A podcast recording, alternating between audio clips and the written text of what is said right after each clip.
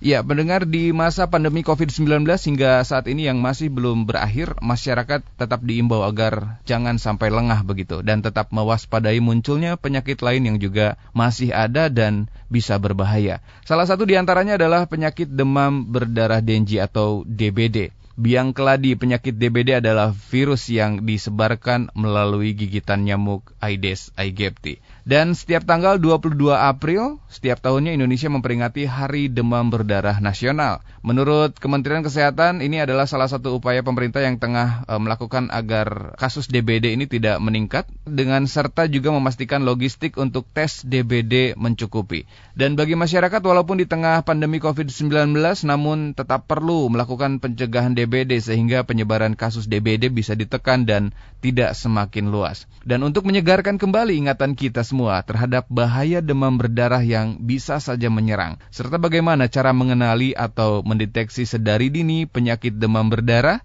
Saat ini kami telah terhubung melalui sambungan telepon bersama Dr. Susantina SPPD. Beliau adalah dokter spesialis penyakit dalam dari KSM Ilmu Penyakit Dalam RSUP Dr. Hasan Sadikin Bandung. Apa kabar Dr. Susantina dengan Tio dari Fit Radio Sehat, Dok? Halo, ya. Halo. Terima kasih. Sehat-sehat. Gimana, ya. Mas Tio? Sehat? Sehat, baik. Terima kasih sudah bertanya. Nah, syukur. Dok, ini di pandemi yang belum berakhir begitu, tapi ketika kita lihat di jalan begitu ya, ini sudah mulai ramai gitu. Nah, tanggapannya apakah memang masyarakat ini sudah sudah sangat siap begitu dengan kondisi pandemi yang terjadi atau sebetulnya ada pemahaman lain yang mungkin dokter bisa tanggapi, Dok? Oh, hmm. kalau menurut saya masyarakat yeah. kita sudah beradaptasi ya hmm. dengan pandemi. Yeah. Tapi kan adaptasi itu hmm. bisa dua hal, adaptasi hmm. yang baik dan adaptasi yang buruk. Nah sayangnya hmm. adaptasinya sekarang kesannya kurang baik ya, hmm. masih ada banyak kerumunan. Kalau yeah. kita lihat pemakaian masker juga belum oke okay, hmm. ya. Hmm. Di sini kita harus saling mengingatkan terus bahwa hmm. pandemi kita belum ada tanda-tanda berakhir nih. Yeah. Jadi lebih baik kita bekerja sama untuk protokol kesehatan harus selalu diterapkan. Iya, memang belum ada tanda-tanda kapan bisa berakhir dengan pasti begitu ya pandeminya ya dok ya. Sayangnya begitu, sayangnya. Baik, nah di tengah pandemi ini juga memang banyak sekali membuat masyarakat menjadi sedikit agak lengah karena memang COVID menjadi dalam tanda kutip yang mempunyai spotlight lebih banyak ya dok ya. Jadi banyak perhatian Tuh. tertuju ke COVID, padahal penyakit lainnya juga masih ada dan bisa berbahaya. Salah satunya adalah DBD dok. Dan setiap tanggal 22 April Indonesia memperingati Hari Demam Berdarah Nasional. Bagaimana tanggapan dokter mengenai hal ini, dok? Ya betul, mm-hmm. baik sekali ya kita memang selalu uh, mengkhususkan suatu hari minimal ya, mm-hmm. satu hari dalam satu tahun di mana kita mengingat ada apa di situ. Nah, mm. 22 April memang oleh Indonesia ditempatkan sebagai Hari Demam Berdarah Nasional. Mm-hmm. Nah, ini sebagai suatu pengingat untuk kita mm-hmm. supaya kita selalu aware bahwa mm-hmm. dengue itu masih ada. Hmm. Jadi walaupun sudah ada COVID, yeah. tapi dengue itu juga belum selesai. Kadang-kadang kan kalau sudah ada yang baru, hmm. lalu yang lama kita tinggalkan kecenderungan jelek kita kayak gitu ya. Uh, nah, yeah, yeah, selain dengue ini masih ada, potensi dia untuk berbahaya bagi masyarakat pun hmm. itu sangat besar. Nah kita tahu bahwa uh, data yang terakhir nih yang saya tahu tuh mm -hmm. dengue ini bisa menginfeksi sampai 300-an juta kasus per tahun di seluruh dunia. Ini yang tercatat loh ya. Mm -hmm. Belum tahu yang nggak tercatat itu bisa mm -hmm. dua atau tiga kali lipat lebih tinggi dari ini. Mm -hmm. Dan dari sekitar 300 jutaan kasus per tahun itu 10 persennya mm -hmm. berarti bilanglah 30-an juta itu yeah. berpotensi menjadi kasus yang berat. Nah, hmm. dari kasus yang berat itu 10 persennya berisiko hmm. untuk meninggal. Kalau tadi 390 juta, 30, 300 juta kasus hmm. per tahun, hmm. 10 persennya untuk jadi berat berarti 39 juta. Hmm. Nah, yang untuk meninggal itu 3 juta sendiri per hmm. tahunnya itu masyarakat yang sangat banyak dan tentu saja kita nggak mau hal itu terjadi. Hmm. Hmm. Nah, sayangnya lagi Indonesia adalah daerah yang terletak di daerah hmm. dengan iklim tropik yeah. di mana uh, sejak tahun awal 20-an mm-hmm. gitu 30-an mm-hmm. itu sudah dicanangkan mm-hmm. sayangnya Indonesia adalah daerah yang endemik mm-hmm. hingga sampai saat ini per hari ini walaupun angka kematian akibat demam berdarah itu kita bisa tekan sampai rendah mm-hmm. tapi angka kejadiannya justru meningkat nah mm-hmm. di sini artinya apa kita hanya jago untuk ngobatin, mm-hmm. tapi kita seakan-akan nggak bisa dan bahkan nggak peduli untuk mencegah mm-hmm. si demam berdarah ini. Padahal untuk semua target terapi pasien-pasien mm-hmm. dengan infeksi adalah kita memusnahkan infeksi itu. Kayak mm -hmm. COVID kan kita pengennya COVID-nya punah tuh, yeah. bukan manusianya yang punah. Nah, dengue juga yeah. begitu. Mm -hmm. Kita mhm. pengennya dengue juga punah. Padahal mm -hmm. dengue kan udah berapa ya? Udah beratus-ratus tahun yeah, kali ya. Yeah, Kok nggak punah-punah gitu. Mm -hmm. Nah di sini kita uh, bisa rinci masalahnya tuh ada di mana aja. Mm -hmm. uh, entah dari personelnya yang kurang mm-hmm. tenaga mm-hmm. kesehatannya yang nggak terlalu banyak mm-hmm. atau budgetnya kurang di mana tadi mm-hmm. kan udah yeah, uh, yeah. Mas Yo terangin bahwa kita mm-hmm. perlu alat diagnostik kita mm-hmm. perlu apa ya larvasida nah itu harus mm-hmm. selalu ada mm-hmm. dan yang kurang lagi sebetulnya kurang kerjasama antar seluruh lapisan masyarakat mm-hmm. untuk memberantas demam berdarah ini mulai mm-hmm. dari sektor paling rendah sampai sektor paling tinggi. Mm-hmm. Jadi intinya yeah. dengan setiap tahun di tanggal 22 April kita diingatkan bahwa ini hari demam berdarah nasional, kita diingatkan lagi untuk ayo kita kerjasama, kita berantas dengue. Hmm. Intinya itu Mas Yo. Baik, terima kasih sebagai pendahuluan begitu dokter. Dan bagi Anda pendengar yang ingin juga mengomentari atau juga mungkin punya keluhan ingin berinteraksi bersama dokter Susantina silahkan mumpung ada di sini dokternya silahkan bisa WhatsApp ataupun juga SMS kami. Nomornya di 0811 2102 948 kami ulangi nomornya di 0811 2102 948 atau juga bisa mention kami melalui akun media sosial Twitter @fitradiobandung. Baik, dokter tadi sempat menyampaikan bahwa memang di Indonesia ini karena iklim begitu ya yang berpengaruh, bahkan bisa jadi DBD ini akan tetap ada begitu meskipun siklusnya mengikuti musim begitu ya, Dok ya. Ya, kurang hmm. lebih begitu. Hmm. Nah, ini sebetulnya apa yang perlu diperhatikan apakah oleh masyarakat begitu? Ini kan penyebarannya melalui nyamuk ya, Dok ya. Mungkin bisa jadi penyegar kembali ingatan kepada kami semua. Sebetulnya nyamuk jenis apa yang memang bisa menyebarkan virus ini dan sebetulnya apakah nyamuk ini juga punya siklus hidup yang berbeda dengan nyamuk-nyamuk yang lainnya begitu, Dok? Ya. Hmm. Eh, jadi istilahnya namanya vektor, jadi pembawa, hmm, pembawa ya. yang hmm. menularkan, yang mentransmisikan virus demam berdarah, virus dengue hmm. itu adalah nyamuk. Nyamuknya hmm. juga spesifik. Hmm. Uh, nyamuk yang ada di Indonesia yang dia rajin banget bawa-bawa virus dengue ini ke mana-mana adalah nyamuk Aedes aegypti dan nyamuk Aedes albopictus. Hmm. Awalnya nyamuk Aedes ini sebetulnya adalah nyamuk dari uh, Afrika, Mas Tio. Okay. Cuman mm -hmm. uh, lama-lama berkembang seiring dengan perkembangan uh, peradaban manusia dari Afrika di bawah awalnya kan cuman manusia itu jalan-jalannya cuma naik kuda, kereta yeah. kuda, lalu mm -hmm. naik kereta api, lalu mm -hmm. naik kapal, lalu naik pesawat. Nah, mm -hmm. nyamuknya juga sama kayak manusia gitu. Hmm. Nyamuknya juga kebawa-bawa ke daerah-daerah itu sehingga yang tadinya dia hanya ada di Afrika, hmm. terutama di hutan-hutan, dia jadi kebawa ke mana-mana. Nah, hmm. nyamuk-nyamuk ini uh, sampai saat ini terbukti menjadi satu-satunya vektor untuk hmm. penularan dengue dari satu manusia ke manusia lain.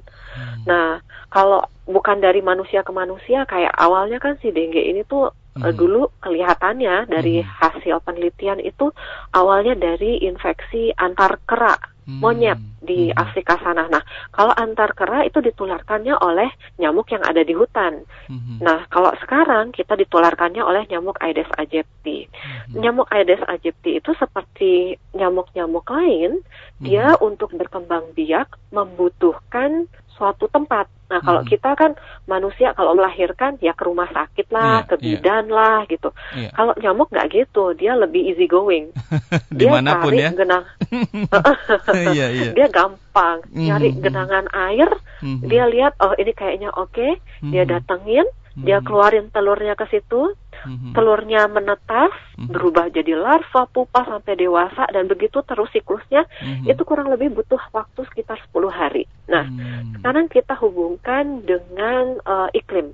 Yeah. Kalau dulu kan kita jelas tuh ya musimnya kemarau, yeah, yeah. hujan, mm-hmm. kemarau, hujan. Oh, okay. Di tengah-tengahnya ada perantara namanya musim pancaroba mm-hmm. di mana ada hujan dan ada kemarau. Kalau mm-hmm. kemarau kan nggak mm-hmm. hujan terus. Yeah Mm-hmm. Kalau penghujan kan hujan, hujan terus. terus. Mm-hmm. Di musim pancaroba ini kan gonta-ganti. Mm-hmm. Hujan hilang, mm-hmm. hujan hilang. Mm-hmm. Pada saat hujan, kalau ada tempat-tempat yang berpotensi untuk menjadi lokasi genangan air, mm-hmm. nah dia akan tergenanglah air di situ. Mm-hmm. Hujannya berhenti, muncullah panas. Mm-hmm. Nyamuk datang ke situ. Mm-hmm. Dia sempat bertelur, berkembang hingga mm-hmm. jadilah nyamuk dewasa, hmm. baru ada hujan lagi, genangan airnya hilang lagi. Nah, hmm. Nah, kalau hujan terus, nggak gitu, Mas Tio. Yeah, yeah. Jadi dia ada genangan air, tapi terus-terusan ngalir lagi, ngalir hmm. lagi, sehingga si nyamuk nggak nggak sempat untuk bertelur di situ. Yeah, Begitu yeah. pula kalau kemarau terus, nggak pernah ada hujan, ya nggak akan ada genangan air. Dengan hmm. sekarang ada pemanasan global, climate changes, yeah. itu jelek sekali. Karena dari Januari sampai Desember kesannya kayak musim pancaroba, pancaroba ya.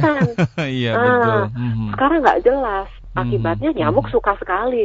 Dia menjalankan siklusnya itu terus-terusan mm-hmm. gitu. Mm-hmm. Nah dari si nyamuk tadi dia selanjutnya kenapa kok dia menggigit manusia, mencucuk manusia? Yeah karena dia membutuhkan darah manusia untuk mengembangkan sel telurnya. Jadi kalau ada nyamuk nih ya, mm-hmm. nyamuk betina, dia akan mencucuk, nggak menggigit ya. Nyamuk mm. tuh nggak punya gigi. gigi ya? Jadi kita masyarakat kita juga harus lebih teredukasi bahwa mm-hmm. nyamuk nggak punya gigi. Kita ganti istilahnya bukan mm-hmm. nyamuk menggigit, tapi nyamuknya mencucuk. Mm-hmm. Nah, si mm-hmm. nyamuk ini mencucuk manusia yang lagi sakit demam berdarah. Mm-hmm. Dia ambil darahnya, mm-hmm. virus demam berdarahnya juga kesedot. Nah, oleh si nyamuk ini, darah yang ada virusnya disimpan di dalam lambung dia. Mm-hmm. Lalu oleh lambung diserap dan akhirnya disimpan juga si virusnya di kelenjar kelenjar ludahnya. Nah, dari mm-hmm. sini begitu si nyamuk ini terbang-terbang lagi dan ketemu manusia lagi, mm-hmm. darah di dalam lambungnya udah habis, dia mencucuk lagi, lapar lagi kan? Mm-hmm. Dia mencucuk lagi. Pada saat dia mencucuk manusia lain, virusnya dikeluarkanlah sehingga kayak tukeran hmm. si nyamuk ambil darah kita, yeah, yeah. si nyamuk kasih kita virus. Jadi sebetulnya maksud dia baik, gua ambil darah lo, gua kasih virus nih ketukeran kita, gitu sebenarnya maksudnya mungkin baik. Nah yeah, orang yeah. yang dicucuk berikutnya, hmm. dialah yang kena lagi hmm. uh, infeksi virus dengue ini. Jadi uh, dan tadi perkembangan virus dengue di dalam tubuh nyamuk itu membutuhkan suhu yang optimal hmm. itu antara 25 sampai 30 derajat Celcius yang mana hmm. hmm suhu di Indonesia kan segituan ya hmm. itulah kekurangan kita tapi yeah. ya nggak ada alasan sebetulnya kalau kita sebetulnya mau bekerja sama, mm-hmm. kita pasti bisa berantas nyamuk. Nyamuk di berantas, mm-hmm. pasti virus dengue juga hilang deh, percaya deh gitu. Baik, terima kasih. Dokter berarti nyamuk ini hanya sebagai vektor ya dok ya, bukan berarti virusnya dari nyamuk itu ya dok? Enggak, hmm. virusnya sehat. Eh, hmm. nyamuknya sehat, nyamuknya dia nggak ya? sakit, beneran dia sehat deh nyamuknya nggak demam. Ya. Saya nggak pernah lihat ada nyamuk yang demam, yang demam manusia. Jadi dia tuh semata-mata baik ya. banget dia si nyamuk ini nggak okay. nggak ada maksud jahat sama kita. Hmm. Dia semata-mata hanya butuh darah untuk mengembangkan sel telurnya supaya dia next time bisa hmm. uh, berkembang biak lagi. Cuman sayangnya ya itu tadi virusnya kebawa-bawa sama dia dan dia sok baik ngasih ke manusia hmm. yang dia hmm. cucuk. Dokter, uh, ya, ininya darahnya. Mohon maaf, kami potong dok. Kenapa hanya nyamuk Aedes aegypti ini yang memang bisa menyebarkan ini? Padahal jenis nyamuk juga ada beberapa ya dok ya. Apakah memang karena ada belang-belangnya begitu dok?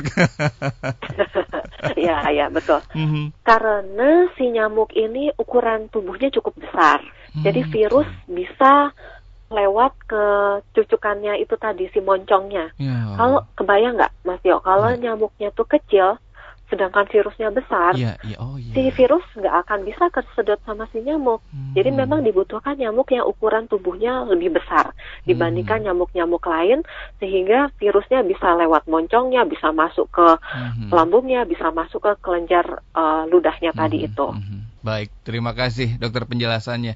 Nah, untuk DBD sendiri ini kan memang di, disebabkan oleh apa? Eh, kami mungkin pahamnya istilahnya virus Dengue ya begitu ya dokter. Nah, sedangkan tadinya kami pikir memang virus ini disebabkan oleh nyamuk nih dok, tapi ternyata penularannya memang dari manusia melalui nyamuk ke manusia lagi begitu ya dok ya. Nah, virus Dengue yang ada di yang sedang dialami oleh pasien begitu, itu sebetulnya apa dok? Uh, virus yang bisa didapat dari mana begitu dok? Nah, oke. Okay. Mm -hmm. Si virus ini ya betul tadi uh, nyamuk itu hanya vektornya, jadi mm -hmm. ibaratnya dia hanya angkotnya aja supaya yeah, si yeah. virusnya bisa pergi gitulah yeah. ya. Mm -hmm. Nah, virusnya sendiri kalau dilihat dari penelitian, dilihat bahwa virus ini mirip sekali dengan virus yang ada pada monyet-monyet kera-kera di Afrika sono. Jadi, hmm. secara hipotesis virus dengue itu kelihatannya asalnya yeah. dari virus dengue-nya kera gitu. Hmm. Cuman karena manusia datang ke habitatnya si hmm. kera hmm. di apa ya hutannya Hutan, itu ya? dirombak hmm. oleh manusia, hmm. ya terjadilah uh, mutasi juga dari virus. Virus itu hmm. mudah sekali bermutasi. Nah, bukti yang ada adalah sementara bahwa kurang lebih dari seribu tahunan yang lalu itu ada satu ensiklopedi dari Cina. Itu dia mencantumkan ada pasien-pasien yang sakitnya mirip-mirip gejalanya dengan si dengue yang ada saat ini. Hmm. Lalu tercatat juga di akhir abad uh, ke-18 bahwa ada wabah besar terjadi di Asia dan di Amerika hmm. yang mana pasien-pasiennya sakitnya mirip-mirip kayak dengue yang sekarang. Hmm. Nah, sampai di akhir uh, Perang Dunia yang kedua barulah dicanangkan di Asia Tenggara itu endemik untuk dengue. Jadi hmm. virusnya sendiri asalnya kelihatannya dari si kera gitu. Hmm. Kayak kalau virus uh, SARS-CoV-2 yang menyebabkan yeah, COVID yeah, kan yeah. kita menduga itu berasal dari kelelawar. kelelawar nah, yeah, kalau uh, uh, kalau mm-hmm. virus dengue dugaan kuatnya adalah mm-hmm. awalnya dari kera. Nah, mm-hmm. terus si nyamuknya itu lagi tadi yang membantu mem sebagai mm-hmm. angkot bawa ke mana-mana sampai Mas Dio tahu nggak kalau uh, Aedes albopictus itu punya nama keren juga. Apa tuh dok? Dia namanya uh, Asian Tiger Mosquito. Jadi Asian berarti Asia, Asia, Tiger karena dia belang-belang, belang bonteng gitu, uh -huh. mosquito. Jadi dia uh -huh. nyamuk yang kayak belang-belang kayak tiger dan hmm. dia di Asia gitu. Bahkan dia punya nama khas seperti itu. Jadi memang si Aedes aegypti dan Aedes albopictus itu kayak angkotnya Bandung lah gitu. Banyaknya di sini gitu khas yeah, gitu, yeah, hijau yeah. gitu. ya, jadi memang punya sebutan khas dan memang punya klaster sendiri mungkin ya, Dok ya. ya. Begitu. Baik. Jadi memang tadi banyak faktor yang bisa menyebabkan uh, nyamuk hanya sebagai uh, vektor atau angkotnya begitu ya ketika ya. ditambah dengan musim pancaroba yang saat ini terjadi, uh, ketika air yang menggenang atau air mengalir tidak masalah ya dok ya sebetulnya. Yang dikhawatirkan adalah air menggenang ya. Ya, hmm. menggenang dan dia stay diam aja di situ. Ah hmm. itu dia nyamuk suka kayak kalau ibu-ibu kan cari rumah sakit bersalin yang nyaman yeah. gitu. Yeah. Nyamuk melihat itu sebagai rumah sakit oh, bersalin okay. yang nyaman.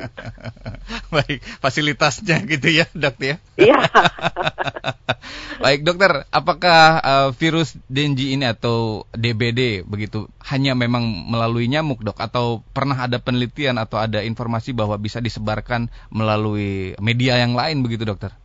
So far enggak ya. Jadi hmm. dia memang sukanya milih angkotnya tuh si nyamuk ini aja. okay. uh, mamalia hmm. lain, eh mamalia atau hmm. uh, serangga lain hmm. saat ini belum ada buktinya sama sekali. Bahkan yang tadi saya bilang hmm. penularan virus ini antara kera-kera di hutan juga tetap nyamuk kok, nggak pakai yang lain-lain. Dia hmm. senangnya lewat nyamuk gitu. Hmm, baik. Dan ini sebetulnya penularan dari anggaplah misalkan dari satu orang ke orang lain ini memang uh, tidak menularkan secara langsung begitu ya dok ya? Atau bisa sebetulnya? Nggak bisa. Nggak bisa nah, ya? itu dia. Kita bersyukur ya. Dia nggak hmm. kayak uh, COVID, COVID yang SARS-CoV-2-nya ditularkan yeah. aerosol atau airborne yeah, gitu. Yeah. Mm-hmm. Ya kita bersyukur bahwa dengue ini nggak kayak gitu. Butuh nyamuknya dulu. Jadi hmm. itu juga hmm. kuncinya. Kalau kita mau berantas dengue ya berantas dulu nyamuknya gitu. Hmm. Hmm. Baik. Nah, dokter DBD yang dokter jelaskan ini kurang lebih juga disebabkan oleh virus begitu ya yang sama dengan yang sekarang sedang menjadi pandemi COVID-19 begitu. Sama berbahaya, dokter. Nah, COVID saat ini sudah ada vaksinnya begitu ya yang sedang diupayakan. Sedang DBD ini sudah puluhan tahun begitu. Apakah ada obat pasti untuk DBD atau semua penyakit akibat virus ini memang harus disuntik vaksin atau diberi vaksin begitu, Dok? Lah itu juga.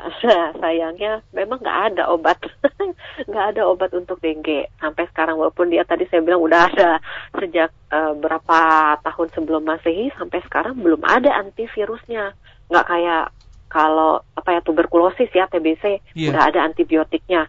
Nah yeah. kalau dengue belum ada antivirusnya. Sehingga kalau pasien dengan demam berdarah dengue dirawat di mana pun. Mau di Indonesia, di Afrika, di Amerika.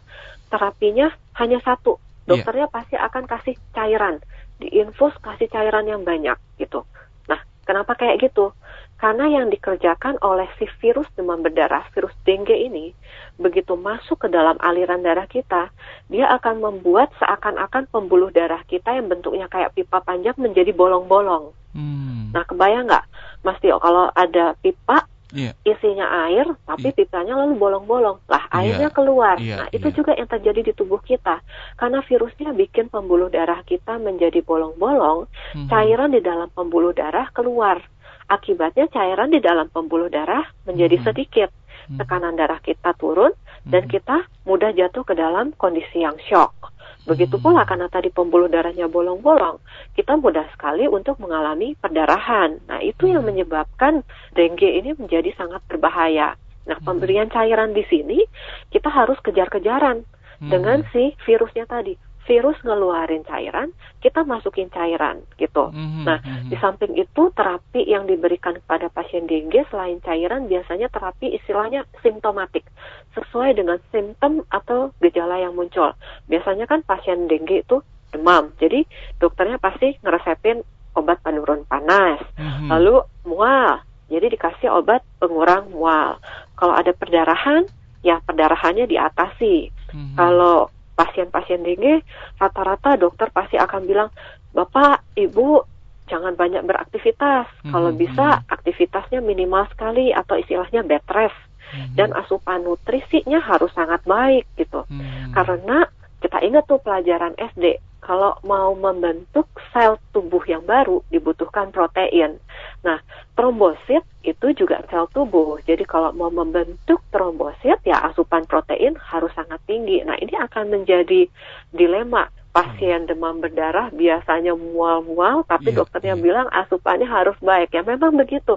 Kalau sakit, memang kita harus nggak boleh ngikutin penyakitnya. Kita harus berusaha untuk ngelawan mm-hmm. supaya kita nggak kalah sama penyakit itu. Mm-hmm. Gitu, Mas Tio. Baik. Iya, dokter. Saya mungkin jadi agak penasaran nih mewakili pribadi. Sebetulnya karena apa dok um, obat yang pastinya ini belum bisa ada begitu dok sampai dengan atau minimal ada referensi begitu harus apa yang dilakukan Hmm, Oke, okay. mm-hmm. jadi ya untuk mengembangkan suatu obat dan mengembangkan suatu vaksin itu memang ceritanya sangat panjang. Mm-hmm. Ya, pandemi COVID-19 ini juga menjadi suatu apa ya, ada blessing in disguise-nya juga. Mm-hmm. Jadi kita jadinya mempercepat semua usaha untuk menemukan obat dan vaksinnya. Yeah, yeah. Nah, dengue ini sayangnya, ya sayangnya dalam tanda kutip loh ya, mm-hmm. nggak pernah jadi pandemi. Jadi oh, okay. uh, tidak secara khusus semua orang berusaha seluruh dunia hmm. mempercepat usaha untuk menemukan obat dan vaksinnya hmm. gitu. Hmm. hmm untuk hmm. menemukan obat dan vaksin dibutuhkan penelitian yang sangat panjang. Hmm. Demikian pula budget yang sangat besar gitu. Hmm. Nah, ya kalau saya sih berpikir begini, nggak apa-apa kalaupun obatnya nggak ada, vaksinnya nggak ada, yeah. ya, tapi kan yeah. kita sudah menemukan bahwa pemberian mm -hmm. cairan mm -hmm. itu cukup efektif dalam menata laksana pasien-pasien dengan dengue mm -hmm. dan terbukti menurunkan angka kematian. Jadi nggak apa-apa, walaupun nggak ada obat antivirus mm -hmm. ataupun mm -hmm. vaksinnya, mm -hmm. kita terapkan saja pemberian cairan yang cukup mm-hmm. dan uh, pencegahan-pencegahannya yang justru kita harus kuatkan, Mas Tio. Mm-hmm. Baik, terima kasih dokter. Ini sebelum ke gejala dok, apakah uh, imunitas ini juga bisa berpengaruh dokter? Anggaplah misalkan seseorang ini mempunyai imunitas tubuhnya bagus nih dok. Nah ketika nyamuk ini menyerang, sebetulnya virusnya masuk, tapi karena imunitasnya bagus, akhirnya mental juga dok. Atau mungkin seperti apa dokter? Ya betul. Mm-hmm. ini uh, berlaku untuk semua kasus infeksi. Jadi nggak cuma dengue, nggak cuma COVID. Infeksi mm-hmm. apa pun TBC itu juga termasuk. Yeah, bahwa yeah. untuk semua infeksi itu ada terjadi interaksi antara si manusia yeah. dan si kuman. Mm-hmm. Kumannya apa pun, manusianya manusia jenis apa pun. Mm-hmm. Interaksinya selalu antara dua ini. Mm-hmm. Kalau manusianya yang kuat, ya kumannya mati. Mm-hmm. Kalau kumatnya yang kuat, ya virusnya mati. Nah sekarang kita lihat sisi dari sisi kumannya dulu. Mm-hmm. Kalau kumannya yang masuk ke dalam tubuh manusia banyak, mm-hmm. ya potensi untuk kumannya menang lebih gede, itu mm-hmm. logika aja. Mm-hmm. Atau kumannya yang masuk adalah kuman yang lebih galak, ya mm-hmm. potensi untuk kumannya yang menang itu juga lebih gede. Mm-hmm. Nah, kayak demam berdarah misalnya ya, virus dengue ini ada empat serotype. Mm-hmm. Itu mah ibaratnya kayak kucing Hmm. Ada kucing Persia, ada yeah. kucing kampung, ada kucing Siam gitu-gitu. Nah, yeah, yeah. ini yang masuk adalah kucing yang paling galak. Ya, hmm. manusianya bisa kalah gitu. Nah, hmm. dari sisi manusianya sendiri,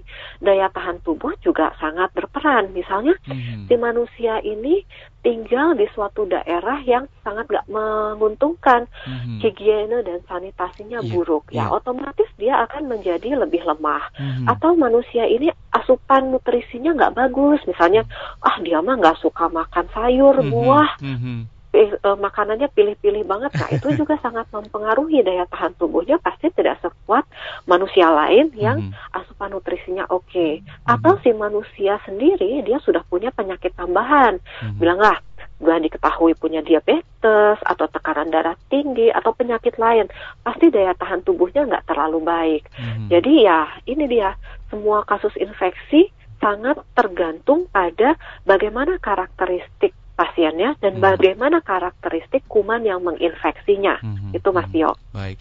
Ya, memang secara tidak langsung juga pasti akan berhubungan ya, Dok ya. Ini terutama ada gejalanya nih, Dok. Jika ketika memang imunitasnya kurang bagus, akhirnya ketika virusnya masuk dan menang, gejalanya seperti apa nih dok yang uh, bisa muncul begitu dari DBD ya dok ya? Dan kapan ini sekiranya harus segera diperiksakan ke tenaga kesehatan dok? Hmm, Oke, okay.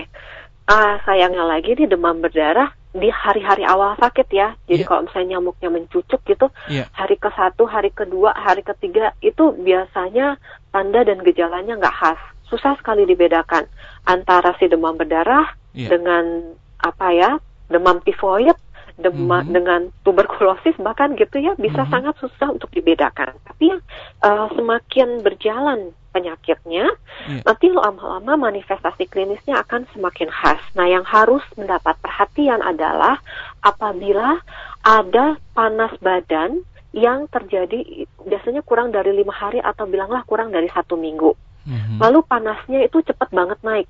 Jadi uh, pagi-pagi misalnya ya orang ini masih bisa kerja mm-hmm. di kantor masih semangat mm-hmm. sore-sore pulang dari tempat kerja masih semangat mm-hmm. eh begitu malam-malam mm-hmm. tiba-tiba dia langsung menggigil dan panasnya mm-hmm. tinggi nah itu dia itu satu tanda yang khas untuk infeksi virus nah setelah itu ya. demamnya akan tinggi terus sekalipun dia minum obat bilanglah paracetamol aja ya yeah. panasnya mungkin turun dikit tapi abis itu 3-4 jam cepat langsung naik lagi gitu. Hmm. Nah, pasiennya biasanya ada keluhan yang lain, mm-hmm. uh, encok pegel linu gitu ya, oh. ya, badannya sakit-sakit semua, yeah, nyari yeah. otot, nyari yeah. sendi, nggak puguh aja. Mulutnya rasanya aneh, biasanya suka makan, bilanglah nasi padang. Sekarang kalau ngelihat nasi padang aja udah pengen mual muntah-muntah gitu. Uh, terus muncul bisa jadi pasiennya muncul bercak-bercak di kulitnya, ada ruam. Nah, hmm. dan yang paling khas adalah adanya perdarahan, baik itu mimisan atau perdarahan gusi atau pada perempuan biasanya kalau dia dalam siklus haid, hmm. haidnya menjadi lebih banyak atau lebih panjang atau justru walaupun itu bukan siklus haid dia tiba-tiba dia menjadi haid. Nah, kalau hmm. ada tanda dan gejala seperti ini, yeah. boleh sih kalau cuma satu hari cobain dulu minum obat uh, penurun panas yang ada yeah. di rumah kan biasanya paracetamol ya. Yeah, yeah. Boleh minum paracetamol, uh, istirahat, asupan mm -hmm. makan mhm. perbaiki. Mm -hmm. Tapi kalau udah satu dua hari nggak ada tanda-tanda perbaikan, mending cepat datang deh ke rumah mm -hmm. sakit. Karena yang kita paling takut adalah kalau demam berdarah ini lalu jatuh ke dalam kondisi yang berat. Nah, mm -hmm. kondisi yang berat itu ditandai dengan adanya nyeri perut. Mm-hmm. perutnya nyeri sekali mm-hmm. atau muntahnya menjadi sering atau istilahnya katanya persisten jadi mm-hmm. dihitung mm-hmm. dalam satu jam mm-hmm. muntah minimal enam kali wah itu bahaya cepat mm-hmm. datang ke rumah sakit atau ada perdarahan yang banyak nggak berhenti atau pasiennya menjadi nggak sadar atau kelihatannya gelisah gitu. Biasanya kalau ngobrol enak banget nih sama orang ini. Sekarang kok mm-hmm. diajak ngobrol dia kelihatannya ngantuk-ngantuk. Wah itu bahaya. Cepat-cepat bawa ke rumah sakit, nggak usah ditunda-tunda supaya bisa diperiksa oleh dokter. Nah nanti kelihatannya biasanya pasien-pasien begini yeah. begitu datang ke rumah sakit, nah dokter kan juga bukan dewa ya, dokternya akan tanya-tanya ceritain Pak, Bu, gimana hmm. yang dirasa selama ini. Hmm. Lalu diperiksa badannya dari ujung kepala sampai ujung kaki yeah. dan dilakukan pemeriksaan penunjang. darahnya akan diambil si pasien untuk dilihat hmm. bagaimana nih sel darah merah, sel darah putih, trombositnya akan dilihat. Kalau ternyata uh, dari hasil-hasil lab dan data klinis disimpulkan bahwa pasiennya kelihatannya tidak berat, hmm. ada kemungkinan si pasien diperbolehkan untuk rawat jalan dan kontrol beberapa hari ke depan. Hmm. Tapi kalau misalnya data klinis dan data penunjang disimpulkan bahwa pasiennya berat atau berpotensi menjadi berat, si pasien akan disarankan oleh dokternya untuk dirawat di rumah sakit mm-hmm. hingga beberapa waktu ke depan. Begitu. Baik dokter, terima kasih. Ini sudah ada beberapa yang bergabung bersama kita dok. Tapi sebelum itu, mungkin gejala ini yang tadi dokter sempat sampaikan, apakah seseorang yang mengalami DBD akan merasakan gejala yang tadi semua dokter sampaikan atau hanya salah satu dok bisa? Bisa. Kalau beruntung dia hanya akan merasakan salah satu. Hmm. bisa aja demam, karena demam yeah. itu adalah gejala utama. Ya, Tapi ya. kalau dia tidak terlalu beruntung, dia bisa rasakan bisa semuanya. Rasakan semuanya dan, ya dok ya. Dan kita eh, nggak uh, bisa predik nih, iya. kira-kira nanti kalau kena dengue kita masuk yang mana, yang ngerasain satu iya. gejala atau yang ngerasain gejala banyak. Baik. gitu Mas Tio. Dan ini bisa terjadi di hari pertama dokter atau gejala ini muncul bertahap di hari berikutnya atau keberapa dok? Rata-rata demam itu jadi istilahnya masa inkubasi ya. Yeah. Mulai dari virus masuk sampai muncul gejala itu rata-rata butuh antara 1 sampai tiga hari hmm, gitu. Baik. Jadi kalau virusnya masuk mungkin besok atau sampai tiga hari ke depan hmm. baru muncul hmm. gejalanya. Awalnya yang paling sering adalah demam dulu, hmm. baru berangsur-angsur diikutin semua gejala yang tadi mual, muntah, nyeri yeah, otot, yeah, nyeri yeah. sendi, perdarahan semuanya baru muncul sakit oh. kepala gitu. Baik, dokter satu lagi di range usia pasien semua sama begitu dok gejalanya dok? Oke, okay. yang paling sering memang usia uh, muda, jadi di bawah 50 tahun dan sampai usia anak-anak. Hmm. Kenapa begitu? Karena di usia-usia ini kulitnya masih kelihatan eh mungkin nyamuk juga pilih-pilih sih ya. Segar ya dok.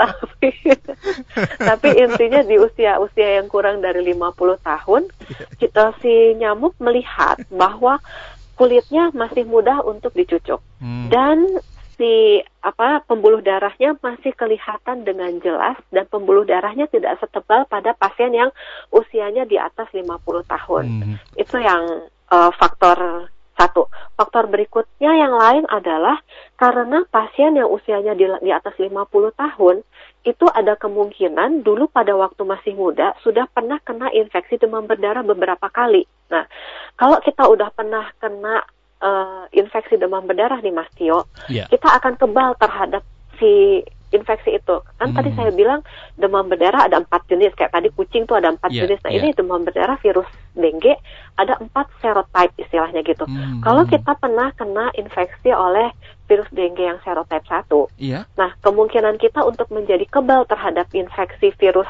dari serotype satu ini, yeah, yeah. itu kita bisa kebal sampai beberapa tahun ke depan sampai seumur hidup. Okay. Nah, kalau usianya udah di atas 50 tahun, kemungkinan kan udah banyak sekali nyamuk, udah kayak berjuta-juta nyamuk yang menggigit dia. Yeah, yeah. Ada kemungkinan udah empat-empatnya serotype itu yeah. Menginfeksi sebelum si pasien berusia 50 tahun. Sehingga mm. begitu di atas 50 mm. tahun, mm. seakan-akan dia sudah kebal terhadap keempat serotype ini, gitu. Oke, baik. Jadi orang yang sudah pernah terinfeksi begitu ya, DBD stereotip satu misalkan, dan nanti ke depannya akan jauh lebih kebal dengan stereotip yang satu ini yang pernah terinfeksi ya dok ya. Nah ini apakah Betul. juga bisa membuat terjadinya herd immunity mengenai DBD ini dokter? Iya, uh-huh. logikanya sih bisa. Cuman masalahnya nyamuknya lebih banyak daripada oh, iya, orangnya. Jadi yeah, iya, untuk yeah, menciptakan herd immunity dalam kasus infeksi dengue hmm. itu susah sekali yeah, karena yeah. ada faktor. Yeah. Dan nyamuknya juga pilih-pilih ya dok ya. Nyamuknya pinter. Baik dokter, terima kasih sudah menjelaskan dan ini sudah ada beberapa yang bergabung bersama kami dok. Saya bacakan satu persatu ya dokter ya. Ada Mangga. Bapak Ade di Gede Bage. Uh, dokter mohon info seberapa ampuh fogging yang suka dilakukan kalau sudah ada yang sakit serta abate begitu dokter? Ya oke okay, betul. Hmm. Abate ampuh ya, hmm. tapi dengan catatan jangan seumur hidup cuma sekali nyemplungin abate.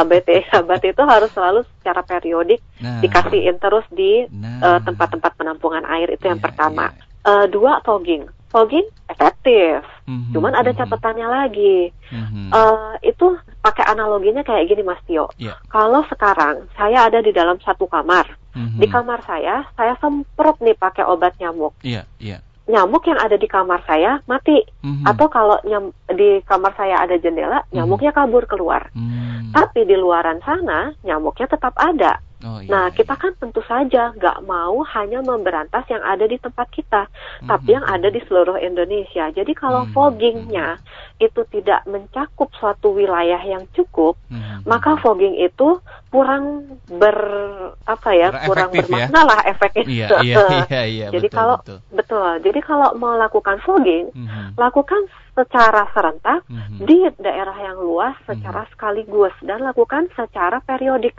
Jadi yeah. jangan hanya uh, setahun sekali yeah. di tanggal 22 April ya tidak.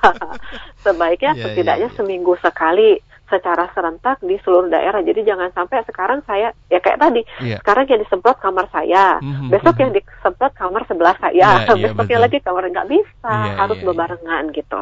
Iya, setelah selesai disemprot nyamuknya datang lagi ya dok ya. Nyamuknya datang.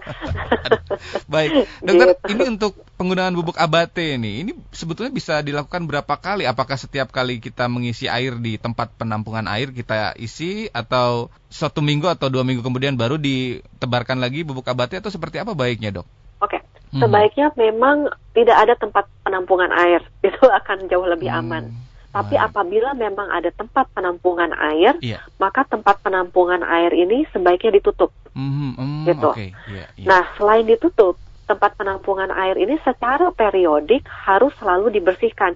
Jadi dikuras, disikat, diisi lagi. Dikuras, disikat, mm, diisi mm, lagi. Mm, nah, pada saat uh, tempat penampungan air ini tadi habis disikat, yeah, eh dikuras, yeah, yeah, disikat, yeah. diisi lagi. Nah, habis diisi lagi, cemplungin tuh bubuk abate Hmm. Kalau uh, penelitian bilang yeah. bubuk abati itu bisa diberikan setiap satu bulan atau bahkan sampai ada beberapa yang uh, menunjukkan hasil tetap baik walaupun -hmm. diberikan tiga bulan sekali. Oh, baik.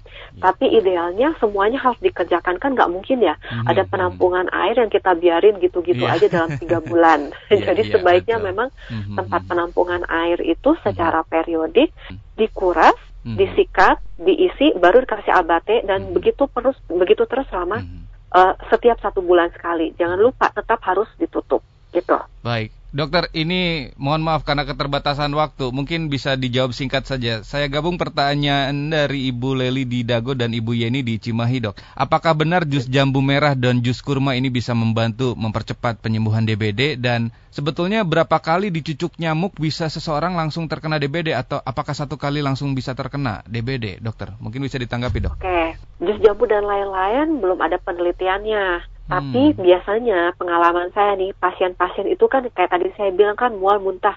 Biasanya kalau diminumin jus jambu itu seger. Itu hmm. aja sih hmm. sebenarnya efeknya dikasih jus kurma yeah. jadi seger. Yeah, itu aja yeah. sebenarnya efek positifnya. Mm-hmm. Lalu yang tadi ya dicucuk berapa nyamuk. Nah, itu yeah. susah untuk dijawab. Itu untung-untungan.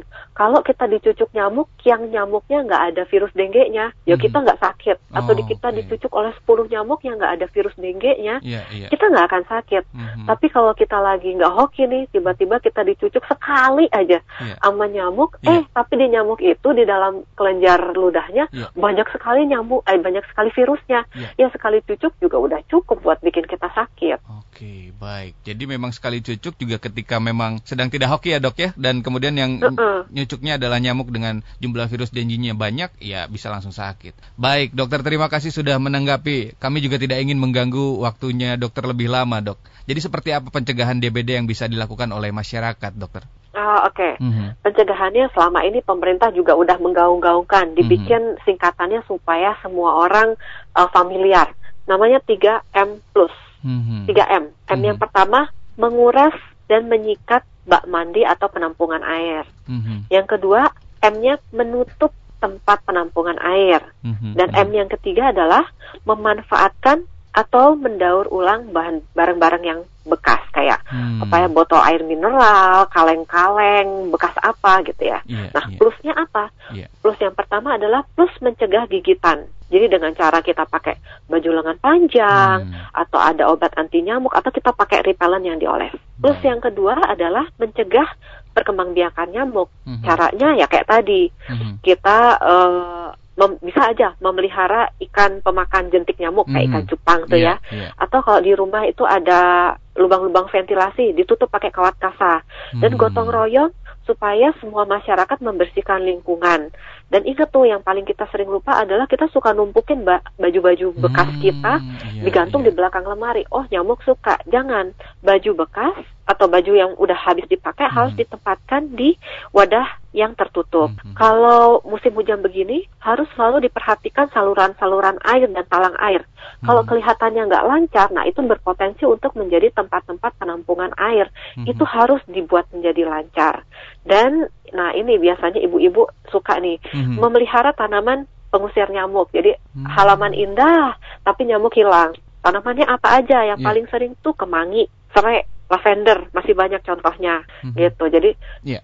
untuk pemirsa sekalian fit listeners, mm-hmm. saya Susan mm-hmm. dari staf divisi penyakit tropik dan infeksi KSM Ilmu Penyakit dalam RSAS, tetap waspada dengan tanda dan gejala demam berdarah dan mari kita terapkan 3M plus untuk mencegah demam berdarah. Dan yang pasti Keep on your healthy lifestyle radio and stay fit for life on 94.8 FM Bandung. Thank you. Terima kasih banyak dokter untuk waktu dan kesediaannya sudah bergabung bersama kami hari ini. Semoga tidak pernah bosan untuk bisa mengedukasi kembali di lain waktu ya dok ya. Pastinya. Thank you banget Thank Mas you. Yo. Sehat selalu dokter, selamat beraktivitas. Terima kasih.